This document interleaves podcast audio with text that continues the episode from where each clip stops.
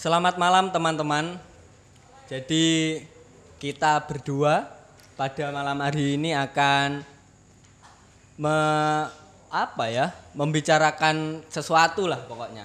Dengan headline yaitu boleh nggak sih? Jadi kalian akan bertanya-tanya. Boleh nggak sih itu apa? Jadi saya di sini juga membawa teman bicara kita pada malam hari ini yang tentunya berpengalaman lah pada bidang yang kita bicarakan pada malam hari ini. Jadi sebelum mulai kita mengangkat headline boleh nggak sih?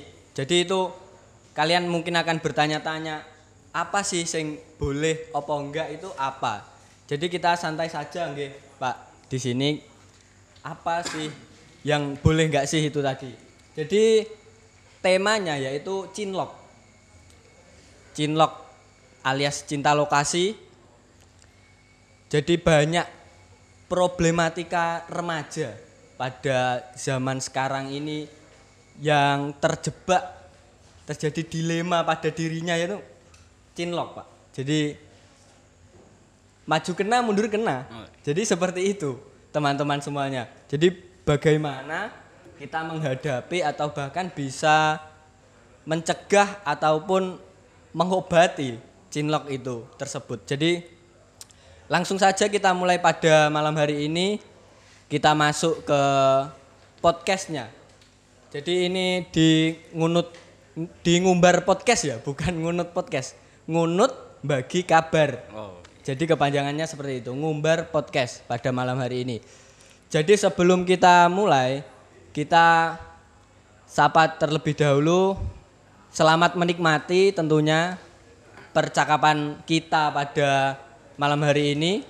Ya. Assalamualaikum warahmatullahi wabarakatuh. Waalaikumsalam warahmatullahi wabarakatuh. Jadi sebelum memulai, kita saya di sini membawa teman bicara. Jadi di sini tidak bagaimana ya? Tidak dikatakan narasumber karena ini sangat santai sekali. Iya. Jangan narasumber Mas Nopal. Jadi Kalau narasumber kelihatannya saya seperti sudah tua gitu. Se- Meskipun sebenarnya ya belum belum tua amat gitu. Iya iya iya. 11 12 lah Pak ya. Oh iya, heeh. Saya itu umur 19 berarti Saya 20. jenengan oh nggih. Jadi lahirnya itu tinggal apa? Kacae titik banget. Heeh. Hmm. Jadi bisa dilihat dari wajah kita berdua itu memang kalau disandingkan itu seperti masih SMA lah. Oh iya. Benar-benar saya sangat setuju dengan sampean. Jadi siapa sih teman kita yang akan kita ajak bicara boleh nggak sih pada malam hari ini? Monggo diperkenalkan Bapak eh Mas itu siapa? Nah, Dari mana dan perjalanannya di Ibnu IPPNU PAC Ngunut itu seperti apa? Monggo. iya. Terima kasih Mas Nopal. Sama-sama. eh saya Rofik biasa dipanggil Rofik itu lebih dikenal di Samir Nggih. karena lahirnya di Samir. saya di Ibnu memang lumayan agak betah dikatakan betah ya betah kalau dikatakan lama kan kelihatannya kan, kan kurang begitu enak jadi memang mungkin dijalankan apa ya Dilahirkan untuk dilahirkan untuk di Ibnu gitu ya. Iya. Saya aktif di Ibnu itu mulai tahun 2005 kalau nggak salah. Nah, 2005 itu saya mulai diajak oleh ya mas-mas senior-senior saya yang ada di Samir, mau ada Pak Soleman, ada Pak Hasan dan Nggih. yang lainnya ini tuh mulai 2005 masih SD tuh saya ingat digandengi naik motor. Dulu kan masih banyak-banyaknya selapanan. Nggih, nggih. Masih ada saat ini ya. Alhamdulillah masih tapi karena pandemi ini Oh, belum iya. terlaksana. Ah. Mungkin akan secepatnya dilaksanakan Ya, kembali. dulu selapanan kan ribuan. Saya pernah itu waktu itu ngisi di acara di Samir, diperkenalkan waktu itu ngisi di sebuah drama. Nah, mulai dari situ kemudian saya eh, mulai aktif ya, aktif di Ibnu, ikut pengkaderan. Apa itu yang mulai dari Makesta ya? Iya, di Makesta. awal ya, Makesta, kemudian Lakmud dan sampai saat ini kemarin selesai di pimpinan cabang kemarin. Sedikit itu Mas Noval, mungkin perjalanan saya kalau diceritakan panjang. Iya iya iya. Ya, dari 2005 loh. Sudah berapa tahun itu? Iya, berapa tahun ya? Iya. Jadi- kemarin. Saya ada pertanyaan. Iya. Bagaimana?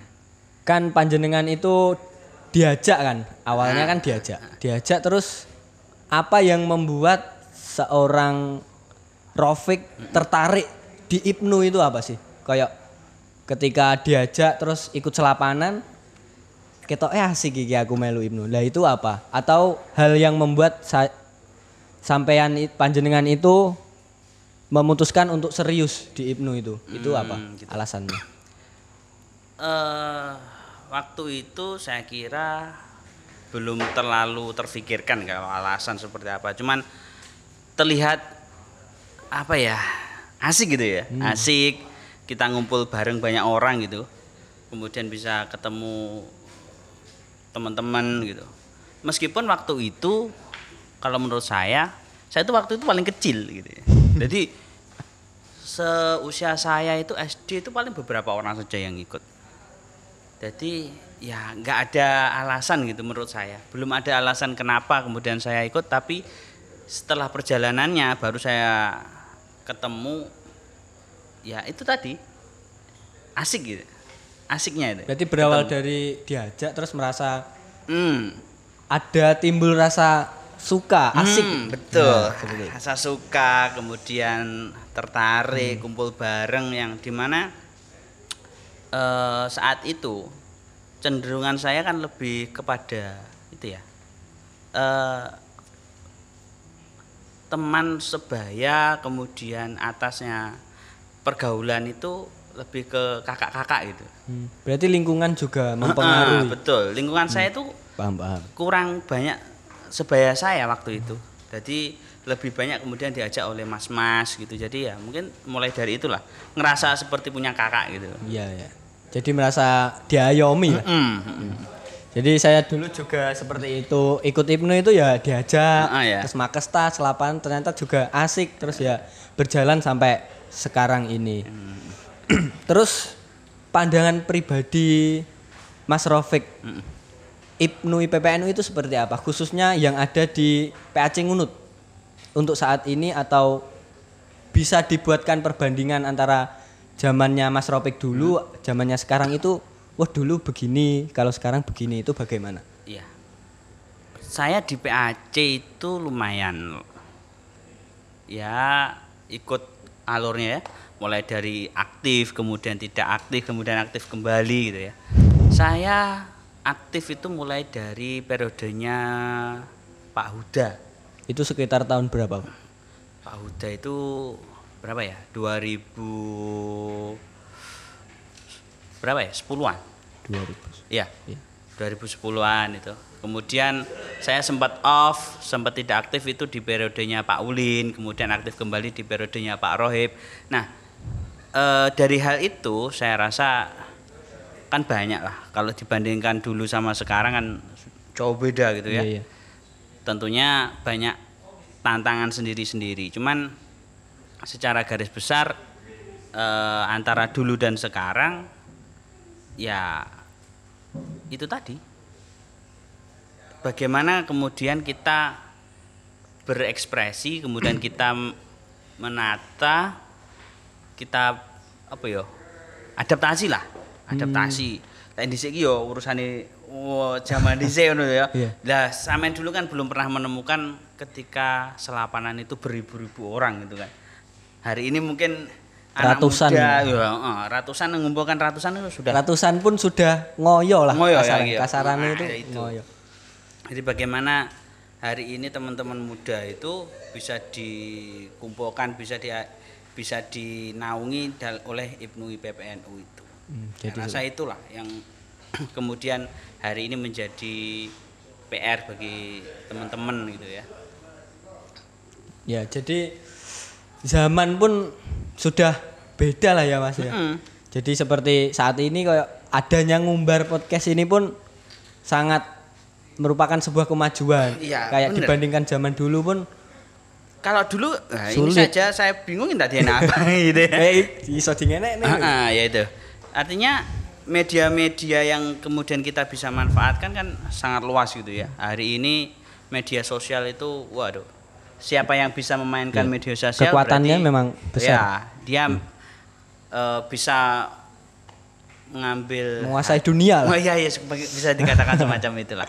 Berarti bisa menggiring opini, bisa menggiring bagaimana teman-teman muda itu untuk bisa gabung Iya, mengembalikan secara kuantitas di Ibnu PPNU. iya. Memang itu sih kayak pada zaman dulu ketika belum ada HP, belum ada sosial media, belum ada bagaimana cara mempromosikan lah Ibnu PPNU itu secara jelas, secara mudah, tapi bisa menggait minat beribu-ribu orang tadi contohnya di selapanan. Kalau zaman sekarang sudah ada HP, di mana-mana wifi, di mana-mana warung kopi, tapi minat dari anak muda zaman sekarang itu kurang. Jadi itu mungkin jadi salah satu PR juga pada kepengurusan yang saat ini dan ke depannya sih seperti itu. Oh iya. Hmm. Jadi intensitas lah ya. Iya, iya. Kalau dulu ki- kita bertemu itu mungkin hanya lewat forum itu. Kemudian kalau hari ini kita kan bisa ketemu lewat media HP ya? Bisa video call dan Wah, lain betul. sebagainya. Mungkin hal semacam itu yang kemudian menggiring ya kalau sudah sering ketemu kan kadang-kadang menjadi Iya iya, ya itu. waleh bahasa Jawanya nih. Bosen. Bosen. oh. Panggah haur iki. Betul. ketemu iki nih, ketemu iki nih. Ngomongnya panggah. Panggah. Jadi memang seperti itu. Mm-mm. Jadi Mas sebelum lanjut ya, sebelum lanjut ke pembicaraan selanjutnya, ini kan forum santai. Iya. Ini sang- sangat santai sekali. Monggo kalau mau merokok, monggo. Ini diperbolehkan khusus ini karena mengangkat tema yang anak muda banget. Terus ya ini santai. Hmm. Terus monggo diminum. Oh iya. Dari mana ini? Jadi kita malam hari ini di tempat yang seindah ini, seproper ini, Hmm? kita di sedang berada di ROW Cafe. ROW Cafe. ROW. Jadi di Mantap. ex pabrik kunir. Hmm. Pabrik kunir itu dulu pabrik apa? Pabrik, Pabrik- kunir. Pabrik kunir ya. Iya. Jadi saya itu masa kecil itu bertanya pabrik kunir loh. Tapi tandurannya tebu. Uang kok iso nandur kok iso gawe kunir jadi jadi ini ROW Cafe Iya. menyediakan banyak-banyak minuman tapi kita seragamkan pada malam hari ini karena kita satu tujuan Wujih. Tas dulu. Siap, siap. Oh iya. covid tidak boleh salin Oh iya. lanjut jadi yang selanjutnya yaitu tanggapan panjenengan terhadap fenomena cinlok yang kita angkat pada malam hari ini. Jadi kenapa kok saya jadi moderator? Karena saya itu terus terang saya bucin mas. Weh. Saya itu bucin banget. Jadi saya itu Apa Anu. sama cinlok? pernah. Wow, pernah. Pernah. Jadi berdasarkan pengalaman saya pernah cinlok. Jadi saya itu kaget pertama ketika dihubungi oleh rekan-rekan kita media center kok Mas sampean anu disuruh moderator ngumbar podcast. Loh, kok aku dengerin biasanya kan biasanya kan mas saya atau orang lain. Kok aku? Terus saya kulik saya tanya temanya apa cinlok oh berarti para rekan-rekan kita itu da- sudah tahu bahwa saya itu cinlok suka bucin iya. story-story galau gitu jadi seperti itu Berarti kalau sampean bingung saya lebih bingung lagi berarti. Duh, kok seperti itu Nah, berarti kalau mengambil sama sebagai moderator karena bucin ya, berarti bisa dianalogikan berarti kalau saya teman ngobrol sama berarti saya teman bucin. Sama-sama bucin gitu ya. Jadi seperti itu tema tema malam hari ini cinlok terus tanggapannya jenengan itu seperti apa? Apakah bagus atau lebih ke arah negatif atau positifnya atau tips and trick lah bagaimana panjenengan me- memberikan wejangan pada malam hari ini terkait cinlok monggo. Cinlok. Iya. sebelumnya tanya dulu ya, kenapa kemudian cinlok itu di diberikan temennya ngambil saya itu? Mungkin dari teman-teman PAC itu melihat yang cinlok tapi barokah itu. Jadi itu bisa diceritakan juga. oh. Mungkin teman-teman kan tidak tahu kok. Cinlok barokahnya apa? Nah. Mas Ropek emangnya tahu bucin apa? Tahu cinlok seperti apa kok Oh, bisa. gitu ya. Jadi seperti itu. Kenapa kok Mas Ropek? Jadi ada alasannya. Monggo. Jadi pandangan tentang cinlok gitu ya. Iya. Kalau cinlok cinta lokasi lebih ke dalam organisasi gitu ya. Iya, iya. Dalam satu komunitas, sama-sama dalam satu komunitas. Kalau saya pribadi gitu ya, saya pribadi ya tetap saja kembali ke awal tadi bahwa iya atau tidak gitu. Jadi cinlok itu bisa memberikan manfaat juga bisa memberikan Madorot. madorot. Iya, iya. Jadi piye tergantung sing lakoni gitu, Mas. Oh, jadi kalau saya pribadi kalau sampean bilang cinlok saya barokah. Tapi ya iya emang barokah gitu ya. Jadi dilihat dari segi positifnya saya cinta lokasi itu sebenarnya ya berawal dari ketidaksengajaan juga. Jadi kita kan tidak kemudian wah saya niat cinlok kan ya ndak loh. Ya kan masuk organisasi Hmm. niatnya bukan itu. Lah iya. Iya. Artinya kan kalau orang Jawa dulu bilang witing tresno jalanan saka kulino, kan Kulino, ngono iya. toh. Sering ketemu, Sering kemudian awor. ya sering awor. Iya. Kemudian itu kan tidak menjadi tujuan utama. Hmm. Nah, kita berorganisasi kemudian kan tidak berdasarkan itu, itu kan. Iya. Jadi itu hanya sebagai ya bonus kalau saya bilang Hadiah. hadiah. Hadiah. Oh. Jadi kita dipertemukan, kita karena kita sering bertemu, kita mengenal gitu ya. Kita tahu karakteristik, kita saling tahu bagaimana ibaratnya yang ngopeni. Iya, iya. Ketemu terus wah ini selai ini njaluk piye itu kan paham. Ya kita Seluk beluknya Mm-mm. itu mengerti ya. karena kan kalau kita bilang antara laki-laki dan perempuan utamanya perempuan kuwi kan yo ada kudu dadi malaikat Memang kodratnya kan Hmm. kita diciptakan berpasang-pasangan. Ah, artinya begini wanita itu kalau kita ngomong wanita kuwi kan iya tapi enggak enggak tapi iya kan ya ngono gitu. jadi kita bisa paling tidak dari situ kita belajar oh mengetahui eh, dari cerita saya pribadi ya Iya ya. Eh, berawal dari sebenarnya kan ketidaksengajaan. Yang saya katakan ketidaksengajaan tadi berawal dari ya sering bertemu sering komunikasi kemudian sering bertengkar bareng sering akur bareng kan ngono.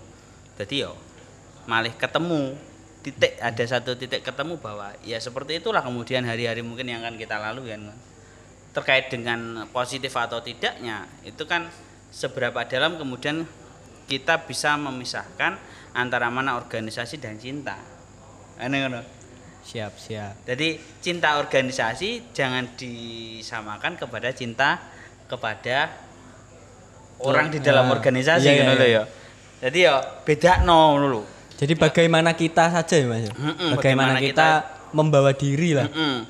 Jadi ya aja kemudian dilek wis cinta kemudian enek masalah ketot nang organisasi nih. Cinta ya cinta organisasi ya organisasi ngono maksudku. Ya itu sing banyak itu seperti itu. Oh. Yang banyak kasusnya seperti itu kayak cinta lokasi terus ketika ada pertengkaran atau bahkan bisa dikatakan dua insan tersebut tidak menyatu kembali.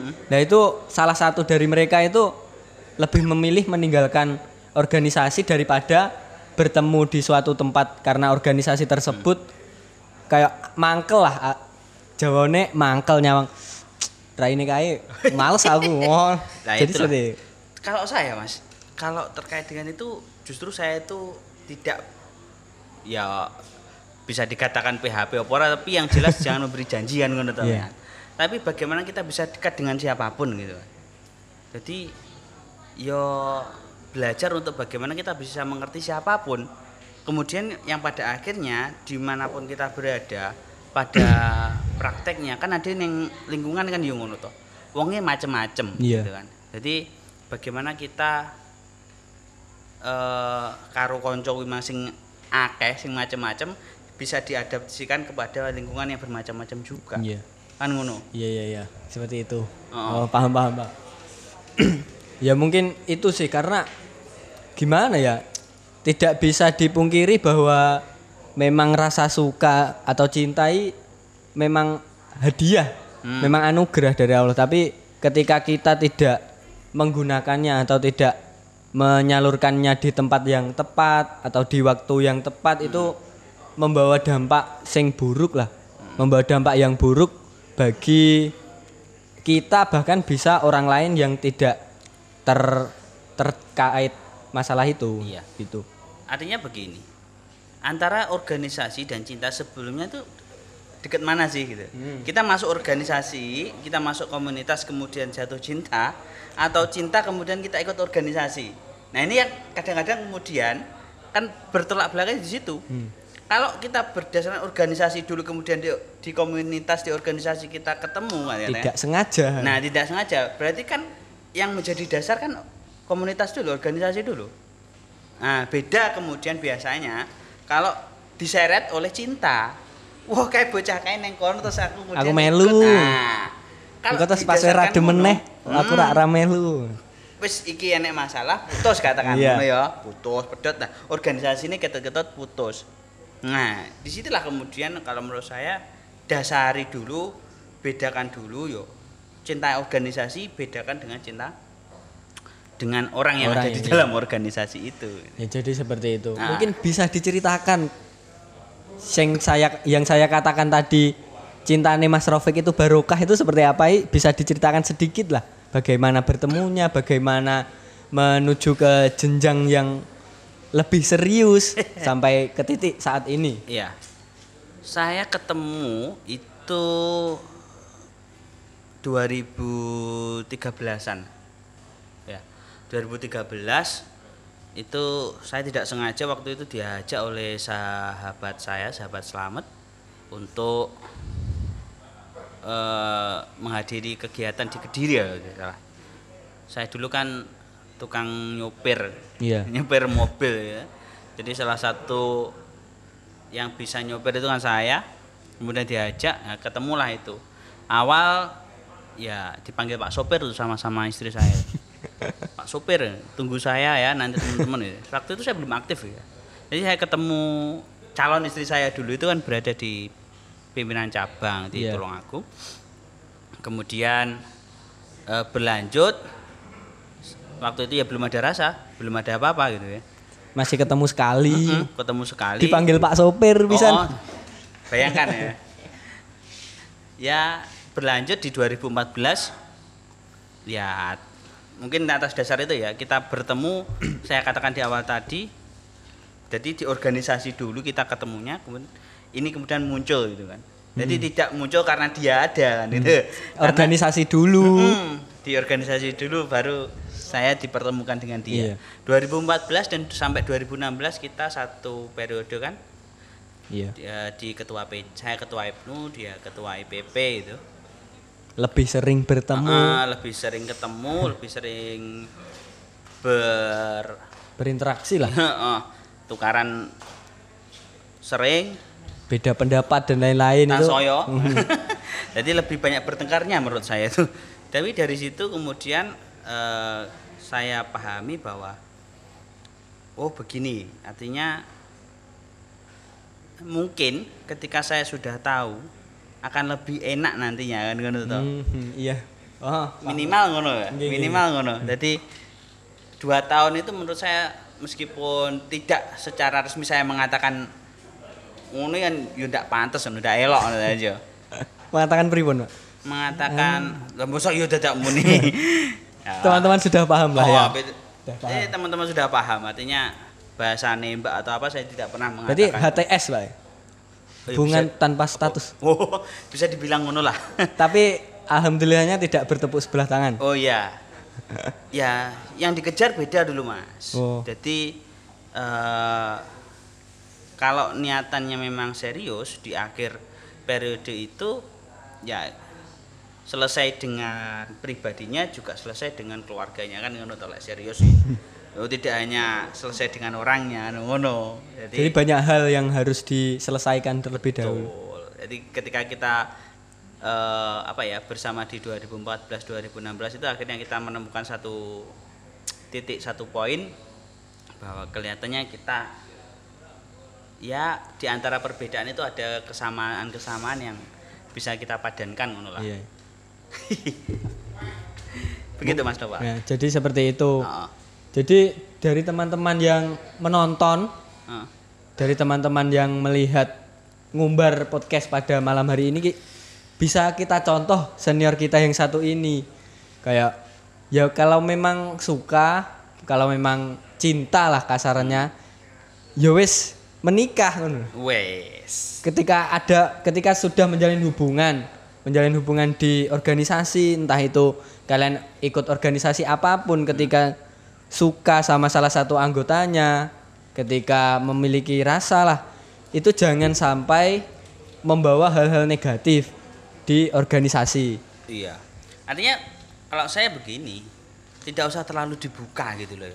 Artinya seneng itu ya seneng, tapi kemudian kan tidak perlu diobral, tidak perlu begitu ditunjukkan di dalam. Apa pun itu. Heeh. itu kan menjadi konsumsi berdua gitulah. Jadi nikmatnya rasa itu ya cukup kita berdua yang tahu kan ngono toh. Enggak usah orang dunia lain serasa tahu. milik berdua Nah, iya. yang lain ngontrak gitu. Jadi di organisasi, di komunitas ya ya kita fair-fair aja lah. gitu. Jadi kita terbuka sama siapa pun, meskipun di hati itu ada rasa. Hmm. Tidak perlu kita menunjukkan itu, wah kayak ben ketorong ini, ini. ben ketoro lek kayak nekku nekku ndak usah Nggak usah. jadi tidak usah Iya, tidak usah. Jadi biar teman-teman di dalam komunitas itu lebih terbuka juga kepada kita. Hmm, iya Kita membuka diri, tapi ada satu satu titik di mana kita itu deal, kita itu apa ya? memang Eh, klop lah Mm-mm, bahwa oke kita go to serius mm, maksudku paham Paham, paham. Nah. Jadi seperti itu, teman-teman. Bisa dicontoh, bisa dipahami, bisa dijalani ketika kalian Yus, ketika kalian suka Yus berdua aja. Maksudnya di luar organisasi jangan ketika sampean me- memiliki hubungan dengan suat sese- seseorang itu membawa dampak negatif atau bahkan kalian bisa keluar lah dari organisasi tersebut. iya Memang pokoknya kalau- jangan dingin deh jadi maknai kemudian engko berdua duaan di Nah. di luar cuma berdua ya ojo maksudnya bukan itu kan. bukan murim, yang satu setan. Seperti itu. jadi ya itu rasa dalam diri itu ya milik berdua Hmm. jadi saya rasa banyak teman-teman yang sudah mulai paham makanan itu jadi ya mulai periode ke periode ada saja menurut saya itu yang ada oh pada akhirnya oh ketemu Hmm. akhirnya menikah dua-duanya jebolan organisasi yang sama dalam satu periode mungkin atau mungkin di bawahnya begitu Ya, jadi organisasi itu jangan apa ya? Kalian masuk organisasi itu jangan berlandaskan atau jangan beralasan bahwa kalian wah aku tak melu IPNU PPNU, saya mau ikut pramuka atau organisasi apa pun. Ketika ada seseorang ya jadi ketika kalian ingin masuk ke sebuah organisasi ya organisasi tersebut lah yang membuat kalian semangat. Ya. Jadi ketika ada permasalahan apa pun terlebih lagi kalau urusan cinlok ini masalah pribadi jangan sampai terbawa lah. Jadi mi- hanya berdua ketika selesai ya selesai. Iya, betul. jangan selesai keduanya selesai ke orangnya. Selesai ke organisasinya organisasinya juga, jadi akan runyam nanti. Apalagi ketika seperti Mas Ropek ini pada zamannya punya jabatan lah Ya. punya kedudukan yang tinggi ketika kalian mutung bagaimana anggotanya? Ya, bagaimana teman yang lain? Jadi tidak hanya merugikan kalian sendiri juga merugikan orang lain. Hmm, betul betul mas. Jadi seperti itu. Mungkin dari panjenengan ada pesan atau hal-hal yang ingin disampaikan lah melihat fenomena remaja kan Ibnu kan pelajar tuh mas Mm-mm. Ibnu itu pelajar jadi masa-masane masa-masa indah masa-masa di sekolah masa-masa kenal sembarang barang saya dulu ya kenal hal tersebut, kenal rokok dan lain sebagainya itu ya di SMA ke- lekas nakal lah. Mungkin ada pesan-pesannya.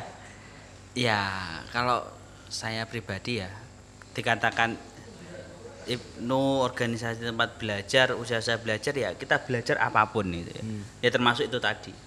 Iya, iya. belajar belajar mencintai dan belajar dicintai, belajar disakiti dan belajar juga menyakiti kadang-kadang. Iya ya. ya kan tidak bisa dikesampingkan ngono ya. Jenenge wong belajar kok ya, kan los. Ya selalu ada saja yang Mm-mm. tidak hanya mungkin kalian berpikir bahwa oh Melo Ibnu ngaji. Mm. Nah, jadi ketika slogannya belajar berjuang bertakwa itu tidak hanya di organisasi tok. Ketika sampean keluar organisasi, wah sampean ketemu orang baru itu juga bisa belajar. Belajar tidak hanya di bangku sekolah. Omongan kita malam hari ini Iya. yang terkesan tidak jeluntrung. Jadi mungkin ada yang bisa kalian ambil pelajarannya itu apa. Jadi monggo Pak lanjut. Jadi ya itulah kita untuk teman-teman muda hari ini yang hari ini masih dalam usia belajar ya belajar seluas-luasnya. Kemudian kalau dalam pendidikan ya belajarlah setekun mungkin, sebaik mungkin dan se ekstrim mungkin. Hmm. Tapi kadang-kadang kita lihat diomongin kan rong anu toh ya. Saya dulu mengaca pada pengalaman saya, bisa lihat diomongi gurune, diomongi mas-mase belajar tenanan sing ngene-ngene kan tidak percaya. Alah nggih opo? Nah, iya ta? Iya ta. Buat apa Hmm, belajar? Kemudian baru tahu ya lek wis ngene iki. Kita sudah Kroso selesai ya, kita sudah Baru selesai di terasa. jenjang pendidikan baru merasa wah ada benarnya. Tapi paling tidak kita harus tetap mengingatkan bahwa dalam jenjang pendidikan yang formal ya tatalah tatalah bagaimana kemudian apa yang menjadi hobi kita, apa yang menjadi kecintaan kita secara pribadi pengen nanti yaitu yang kita kejar. Kemudian didukung dengan komunitas dengan organisasi apa pun. Ya karena pendidikan formal kemudian ditambah dengan bagaimana kita ikut organisasi kita ikut komunitas kita akan lebih tahu bagaimana mengaplikasikan eh, teori yang kita peroleh di jenjang formal itu kita bisa aplikasikan di organisasi. di organisasi. Bagaimana kita hidup di masyarakat, kita pelajari di organisasi. Belajar lebih dulu lah gitu. Yang saya katakan di awal, bagaimana kita mengerti orang lain, kita mulai dulu bagaimana kita mengerti teman-teman yang ada di sekitar kita yang ada di organisasi. Jadi Lek neng seperti sekolah tuh lek mangkat mulai mangkat mulai kan biasa itu. tuh. Hmm. Jadi Tidak ada bumbu tambahan. Lah. nek bumbu jadi terkesan apatis ngono to. Saiki. Supu-supu. Mm-mm. Sekolah pulang, sekolah pulang. Jadi lek saiki apa neh kan terket eh, ter apa ya terlihat individualis ngono kan sa- sekarang teman-teman muda itu asik dengan dunia maya kan. dalam Ngegame, dunia nyata apa pun heeh. itu. jadi dulu itu ngopi ya jagongan jagongan kita ngobrol gitu ya saiki katakan ngopi tapi pegang HP dewi-dewian ya lucu ya Mabar. Miring HP. Mm-mm. Jadi ya kalau kesempat kalau saya kesempatan untuk ngopi ya gunakan untuk ngobrol gitu. Bercengkrama. ya. Heeh, saling tukar pendapat, saling tukar apa ya, tukaran itu perlu menurut saya. Ya terkadang itu yang Mm-mm. membuat segalanya lebih rekat atau romantis itu Heeh. tukaran itu. Ya jadi kalau saya hari ini kalau ngopi, Hmm. kalau ngopi itu ya golek warung kopi sing wifi-ne rada lemot. Ben jagongan, Oh, ben jagongan. ben omong-omongan. Iya. ben omong-omongan ya ben iso iso apa ya bertukar pikiran iso bener-bener ada teman ngobrol bukan hanya kemudian wis dolanan HP teman kita Tidak yang ada bedanya ya. Heeh. Neng omah HP, pas ngopi yo HP pakai HP Oh, selesaikan bedanya? HP ketika seperti ini ya wis delehno ae kalau wis enek kabar baru telepon apa. angkat gitu ya kalau waktu ngobrol ya gunakan waktu itu untuk saling ini ki jagungan, Jagungan. ini ki malah larang hari ini Iya. mahal menurut saya Sharing-sharing hal-hal yang terkesan tidak penting. Bahkan ini bisa membawa apa ya? Wah, ternyata begini Iya. hal yang tidak kita tahu. Meskipun kita tidak menafikan bahwa dunia maya hari ini dunia sosial media menjadi tren gitu ya. Tapi ya jangan melupakan kemudian dunia nyata gitu. Itu jangan terpaku lah. Mm-mm, betul. Jadi gunakan kesempatan lah ketika sampean apa ya di rumah jenuh ayo ngopi. Rono ketika ngopi ya wis. Gunakan kesempatan kalian bersama teman itu yus ngobrol. Jangan neng omah HP-nan neng omah nek wifi ngopi golek wifi terus bedanya apa? Ngopi arep neng omah. Ya padha karo sing ngomongin cinta emang lho, Mas. Tidak cinta ya ungkapkan cinta iya. dalam diammu. Waduh, piye ngono iki. ya itu. Kasta tertinggi dari cinta itu adalah ketika dua insan diam-diam saling mendoakan kan? Ngono seperti ya? itu. Kuotes kuotes orang-orang itu seperti itu. Jadi kalau ngopi ya promosi lagi. Di ROW Eh, mungkin ada tambahan lagi apa anu Apa? terkait cinlok tadi kan Ah. pesan pesan untuk teman-teman untuk rekan-rekan kita atau untuk penonton siapa pun lah yang Hmm. menonton ngumbar pada malam hari ini pesan cinlok apa ini Ah, terkait cinlok kalau saya justru di dalam komunitas temukan untuk cinta. Ayo, malah seperti itu Iya dong. Kalau saya loh ya. Iya. Jadi temukan cinta dalam komunitasmu, dalam organisasimu kan ngono. Jadi kamu harus menemukan cinta itu di dalam organisasimu. Tanpa kamu tahu alasannya seperti apa. Iya. memang cinta itu kadang tidak beralasan Nah, jadi sampean ngono. iya Jadi jadi jadi saya Oh, kata saya Ini jarimu mah. kata saya Kasa tertinggi cinta apa, Mas? diam-diam saling mendoakan ya, kan seperti itu iya. Jadi justru cari cinlok itu dalam organisasi, dalam dalam komunitas ini, dalam hari-hari. Ya meskipun itu tadi kita bisa memilah dan memilih bagaimana tempat, bagaimana oh ini harus kita bawa atau tidak, nah itu seperti itu.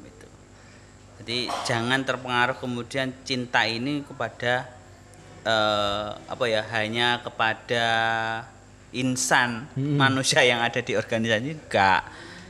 lek ora nek kuwi ora Oh, oh orang itu ya orang, tapi bagaimana cinta itu justru kepada cinta kepada organisasi, cinta kepada komunitas. Yes. Itulah. Baik di organisasi mana pun itu. jadi orang yang baik adalah orang yang menempatkan sesuatu pada tempatnya Nah, intinya seperti itulah ya harus ngono lah. Nah, jadi ketika kalian mungkin kalau organisasi ya wis organisasi dulu. Nah. Kalau masalah itu cinlok ya selesaikan di tempat atau waktu yang berbeda lah. Nah. Jangan di anu, nanti malah runyam lah. Manusia itu hanya bisa konsentrasi pada satu hal. Lek dipecah hasilnya tidak akan maksimal. Itu biasanya cowok begini cerita ini. Apa? Cowok ngono kita. Iya. Nah, cewek kan biasanya iso nyapu, iso ngene, iso ngene kan. Bisa nyambi-nyambi Oh, bojoku iso ngono biasanya. Lah bojoku lho Mas. Lanjutkan pripun? aku ndak iso. Terus terang seperti yang saya main katakan tadi, aku lebih satu fokus laki-laki biasanya fokus ngene ya wis kon satu lagi ya pasti yang ditinggal ambiar gitu lah. Awang-awangan. Mm-mm. Kau Kalau sudah ada yang baru yang lain ditinggalkan tapi ojo ngono ya. Eh, jangan jangan oh, oh, jangan lah kuwi. Jangan ambil perkataan yang tadi di, di cinlok tadi. Oh iya iya. Nanti akan rata ya. Roto. roto. Ganti-ganti terus. Iya. Iya. Jadi seperti itu. Mm-mm. Terus apa lagi ya yang jadi kesimpulannya percakapan kita pada malam hari ini yaitu tadi ketika kalian ketika teman-teman rekan dan rekanita bisa membawa apa ya hal yang positif ketika sampean memiliki romansa ketika sampean memiliki cinta itu tadi ya wis monggo selama tidak merugikan orang lain ya bagaimana? Karena tidak bisa dipungkiri bahwa manusiawi gitu loh. Mm-mm. kayak ya wis rasa suka itu manusiawi tapi ya tidak tidak bagaimana ya bahasanya tidak me- memperbolehkan secara jelas lah kayak ya wis ono pacarano lah kasarannya Nah. sih enggak beda kan Iya, artinya beda. kita kemudian dalam perspektif oleh pacaran oleh Hmm. anu kan kita ah, menurut saya nggak nggak mengarah ke situ tapi bagaimana kita me- Mengontrol. membuat oh, membuat satu ruangan di mana bahwa di organisasi itu kita bisa berekspresi, kita bisa belajar Iya. apa pun gitu, terkait dengan hati maupun yang lain Iya. lainnya. Jadi kalau urusannya dengan katakan dengan cinta, ya wis selam kalau saya dulu pernah ada yang bilang pokoknya lek urung dadi bojomu, Hmm? kuwi aja cinta 100%. Bojomu aja 100%, bojomu aja lah 100%. no. Kan ngono to. Apalagi belum. Heeh.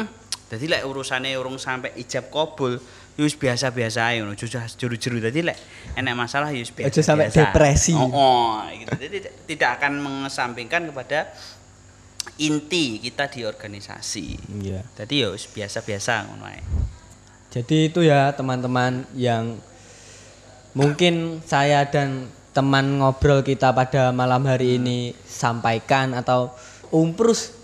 Omong ngidul gitu ya. sampean kok gelem loh ngrungokne omong kobot sampai saat ini loh sampai Iya. aku ngomong iki sampean sik ndelok. Wis berapa jam iki Mang Ade ngobrol? dua kayaknya lebih tuh Wis 2 jam. dua. Ke jam 7 sampai jam 10 iki. Wis lumayan lah. Heeh. saya dan teman ngobrol saya ini ya lumayan lelah dan bingung.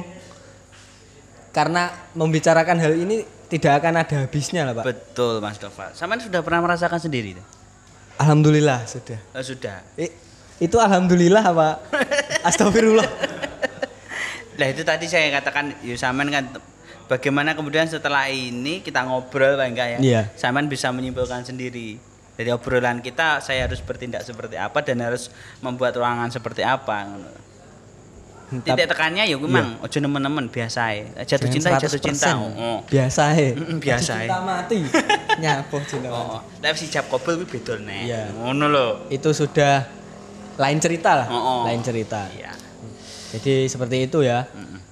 Mungkin kesimpulannya orang yang baik adalah orang yang menempatkan sesuatu pada tempatnya. Ketika sampean tidak menempatkan sesuatu pada tempatnya itu Hmm?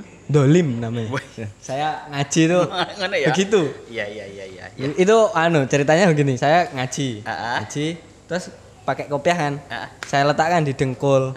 Terus Guru saya kiai saya itu ojo dolim. Loh, dolim kenapa? Kiai. Loh. Orang dolim itu orang yang tidak menempatkan sesuatu pada tempatnya. Oh. Ternyata seperti itu. Juga berguna pada cinlok malam hari ini. Mm, mm, mm. Jadi seperti itu ya teman-teman.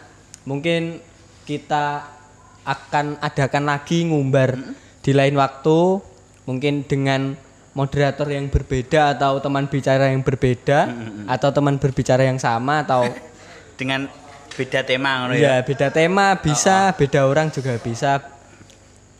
Mungkin itu, mungkin Bisa ada tambahan. ngobrol lagi tapi dengan tema yang beda. Iya. Terkesan ya gimang apa corona aku pas cinlok 500 dadi ngono ya. ya mungkin itu dari rekan-rekan kita itu mengambil senior mengambil contoh lah wah Mas Ropik kayak asik gigi Ya, ya? dikon cerita dikon dikon sharing oh kayak asik Iya iya. jadi cukup ya pada percakapan kita pada malam hari ini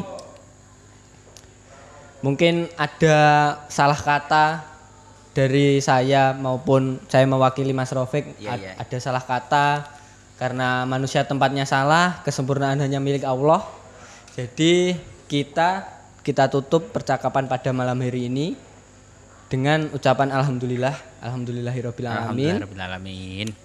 Selamat bertemu di ngumbar yang selanjutnya.